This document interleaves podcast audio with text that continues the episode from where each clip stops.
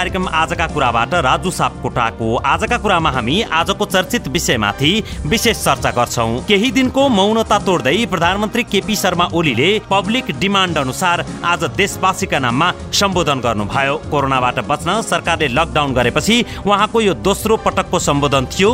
सन्तोषको कुरा उहाँ अघिल्लो पटक भन्दा स्वस्थ र आत्मविश्वासी पनि देखिनु भएको थियो। प्रधानमन्त्रीले आज गर्नुभएको सम्बोधनले आम त्रसित सर्वसाधारणमा ढाडस दिन कतिको सफल भयो अथवा यो सम्बोधन सर्वसाधारणको चित्त बुझाउन असफल रह्यो। के कस्तो रह्यो प्रधानमन्त्रीको सम्बोधन? आज हामी यो महत्त्वपूर्ण विषयमा कार्यक्रममा कुराकानी गर्दैछौँ। हामीसँग हुनुहुन्छ राजनीतिक विश्लेषक डाक्टर सुरेन्द्र केसी। डाक्टर केसी यहाँलाई स्वागत छ कालिका एफएममा। धन्यवाद। कोरोनाको यो त्रासको बीचमा यो कहरको बीचमा हाम्रो देशका प्रधानमन्त्री केपी शर्मा ओलीले आज देशवासीका नाममा सम्बोधन गर्नु भएको छ। करिब करिब आधा घन्टा भन्दा बढी सम्बोधन उहाँको चल्यो। यो सम्बोधनले त्रासमा रहेका आम सर्वसाधारण नेपालीमा कतिको प्राण भर्न सफल भयो तपाईँको बुझाइमा? अब त्यो कर्मकाण्डीय देखेँ मैले प्रधानमन्त्रीले आफ्नो सरकारको कुरा मात्रै राख्नु हो जनताको बिचमा उठेका आवाजहरूतर्फ उहाँको त्यस्तो चासोहरू सरकार भए जस्तो देखिएन। खालि एउटा क्लियरिकल कुरा मात्रै कर्मकाण्डीय रूपमा आएको देखेँ। मैले सार्वजनिक रूपमा कुनै त्यस्तो आउनुपर्ने कुरा आए जस्तो मलाई लागेन। आउनुपर्ने के थियो डाक्टर केसी? अब आउनुपर्ने चाहिँ सरकारको कार्यशैली हो। खास गरी उप प्रधानमन्त्री र यो स्वास्थ्य मन्त्रीका केही हरकतहरू स्वास्थ्य उपकरण खरिदको सम्बन्धमा अनि महाकाली क्षेत्रमा रहिरहेका नेपालीहरूलाई अहिलेको व्यवस्थाको सीमाबाट अगाडि बढेर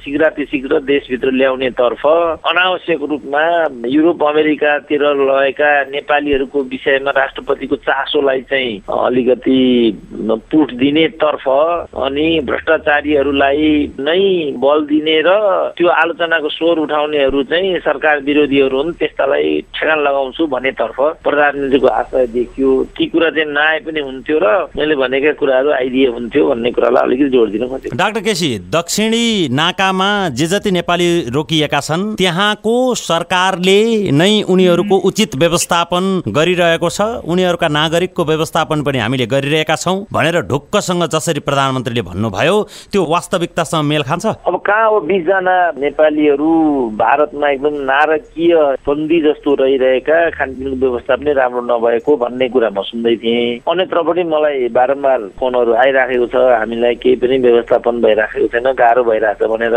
अब त्यहाँ त नौ नौ सयजना छन् र एकै ठाउँमा बसेको भनेपछि त्यो क्वारेन्टाइनको विधि पनि भएन। चाइना तर्फका चाहिँ विद्यार्थीहरूलाई पाँच करोड खर्च गरेर झिकाइएको भन्ने छ। चाइना सरकारले ती विद्यार्थीहरूको जीवन रक्षाको ग्यारेन्टी हामी गर्दैछौँ। कुनै किसिमले अप्ठ्यारो मान्नु पर्दैन भन्दा भन्दै उताबाट चाहिँ जहाजै पठाएर लिएर आउनु पर्ने अनि यी सिमानामा अड्किएकालाई चाहिँ फेरि सौतेनी व्यवहार गर्नुपर्ने त्यस्तो के कारण परेछ त? तपाईँको बुझाइमा दक्षिण छिमेकी भारत प्रधानमन्त्रीले बुझ्या जस्तै अति नै विश्वसनीय छिमेकी हो। नेपालीहरूलाई त्यसै गरी राम्रोसँग राख्ला उसले? होइन अब त्यो त अब नराख्लै भनेर भन्ने कुरा पनि छैन। तर अब हामीले सुनेको चाहिँ के छ नौ सयजनालाई एकै ठाउँमा थुपारेको छ भन्ने सुनेको। अब नौ सयजनालाई एकै ठाउँमा राख्नु भनेको त क्वारेन्टाइनको विधि त भएन। क्वारेन्टाइनको विधि भनेको त उनीहरूलाई एक प्रकार आइसोलेसनमै राख्नुपर्ने कुरा हो। अब नौ नौ सयजनालाई एक ठाउँमा थुपारेपछि त अनि त्यहाँ एकजनालाई लाग्यो भने के हुन्छ त फेरि? यो विधि नै मान्छेको जीवनसँग खेलबाड गर्ने खालको छ। मान्छेको जीवनसँग खेलबाड गर्ने कुरा एक त कसैसँग पनि हुँदैन किनभने मान्छेको जीवन सबभन्दा महत्त्वपूर्ण हुन्छ। त्यसपछि उनीहरूको देश यो भएको हुनाले उनीहरूलाई त्यहाँ थुनिराख्नु पर्ने कुराको औचित्य पनि त्यस्तो देखिँदैन। त्यो अधिकार पनि अर्को कसैलाई हुँदैन। सरकारलाई पनि त्यो अधिकार हुँदैन किनभने उनकै घर हो यो। यो घरको सदस्यले कुनै पनि बेला आउन चाह्यो भने उसले आउनबाट रोकिनु पर्ने कुनै पनि कारण हुँदैन र कोहीसँग त्यस्तो अधिकार हुँदा पनि हुँदैन। ठिक छ उनीहरूलाई त्यसरी एउटा क्वारेन्टाइनमा राख्नु पर्ने अवस्था भयो भने सरकारले आफ्नै भूमिमा क्वारेन्टाइनमा राख्न चाहिँ उनीहरूलाई बाध्य पनि गराउन सकिन्छ। किनभने उनीहरूको कारणले अरू कसैको ज्यान पनि जोखिममा पार्ने त्यो अधिकार पनि उनीहरूलाई हुँदैन। तर अब कुनै पनि नाममा उनीहरूलाई त्यहाँ रोकेर राख्ने कुराको चाहिँ म एउटा नैतिक दायित्वका दृष्टिकोणले पनि देख्दिनँ कानुनी दृष्टिकोणले पनि देख्दिनँ र सार्वसत्ता सम्पन्न जनतालाई यसरी काहीँ अड्काइराखेर उनीहरूको जीवनमाथि र मानसिक त्रास दिने। महाकालीबाटै कति नेपालीहरू नदीमै हाम फालेर आउने कोसिस गरे भन्ने पनि छ। त्यो त नेपाली मात्राको भित्रिन अवस्था मलाई लाग्छ नेपालीहरूले यति दिनहीन भएर आजसम्म कहिले काहीँ पनि बस्नु परेन। अब यो काम चाहिँ अब कुनै प्रजातान्त्रिक सरकारले त्यसमा कम्युनिस्ट सरकारले त कल्पना पनि गर्न नसकिने कुरा हो। अब उनीहरूले के कोणबाट यस्तो गरिरहेको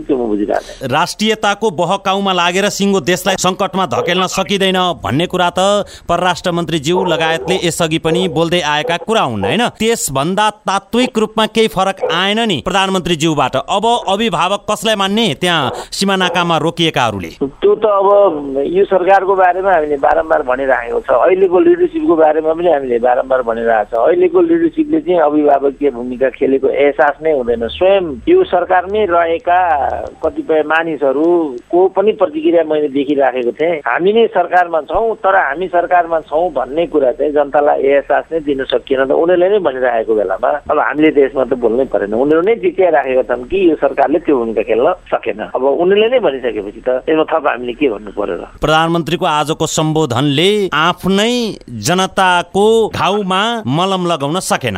त्यो देखिन्छ किनभने यसरी पटक पटक राष्ट्रपतिले को पनि सम्बोधन आइराखेको छ। म त्यसको पनि अर्थ देख्दिनँ। प्रधानमन्त्रीको पनि पटक पटक सम्बोधन आइरहेको छ म त्यसको पनि अर्थ देख्दिनँ। किन यिनीहरू दिनेपछि सम्बोधन गर्नु परेको? म त्यो बुद्धि बुझ्दिनँ। अब कतिपयले भने अनुसार चाहिँ प्रधानमन्त्रीको स्वास्थ्य प्रतिकूल छ म स्वस्थ छु भन्ने देखाउनको लागि र यी भ्रष्ट मन्त्रीहरूको बारेमा जे कुराहरू आइराखेको थियो त्यो हल्ला मात्रै हो। वास्तवमा यो प्रधानमन्त्रीकै निर्देशन भएको कुरा हो र यो पछाडि प्रधानमन्त्री छु भन्ने सो गर्नको लागि मात्रै प्रधानमन्त्री उभिनु भएको भन्ने हल्का टिप्पणी मानिसले गरिरहेछन्। हल्का टिप्पणी मान्छेले किन गरिरहेछन् भनेदेखि प्रधानमन्त्री राष्ट्रपतिले दिनै दिने हप्ता हप्ता पछि सम्बोधन गर्ने हो भने त त्यो त्यसै पनि हल्का भएर गइहाल्छ। अब मोदीले सम्बोधन गरेको हुनाले देखासिखी गरेर हामीले पनि गर्नुपर्छ भनेर यिनीहरूले पनि गरेको भए। मलाई केही पनि भन्नु छैन।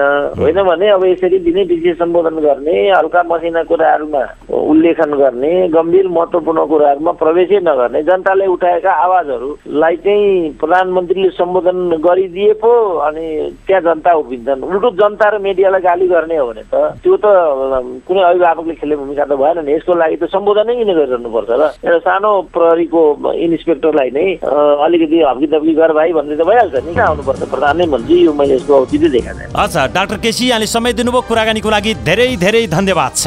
ल धन्यवाद। उहाँ हुनुहुन्थ्यो राजनीतिक विश्लेषक डाक्टर सुरेन्द्र केसी। उहाँसँगको कुराकानी सँगै कार्यक्रम आजका कुराको समय सकिएको छ। आजका कुरा आज नै भोलिका कुरा भोलि नै। राजु सापकोटा बिदा हुन्छु। नमस्कार।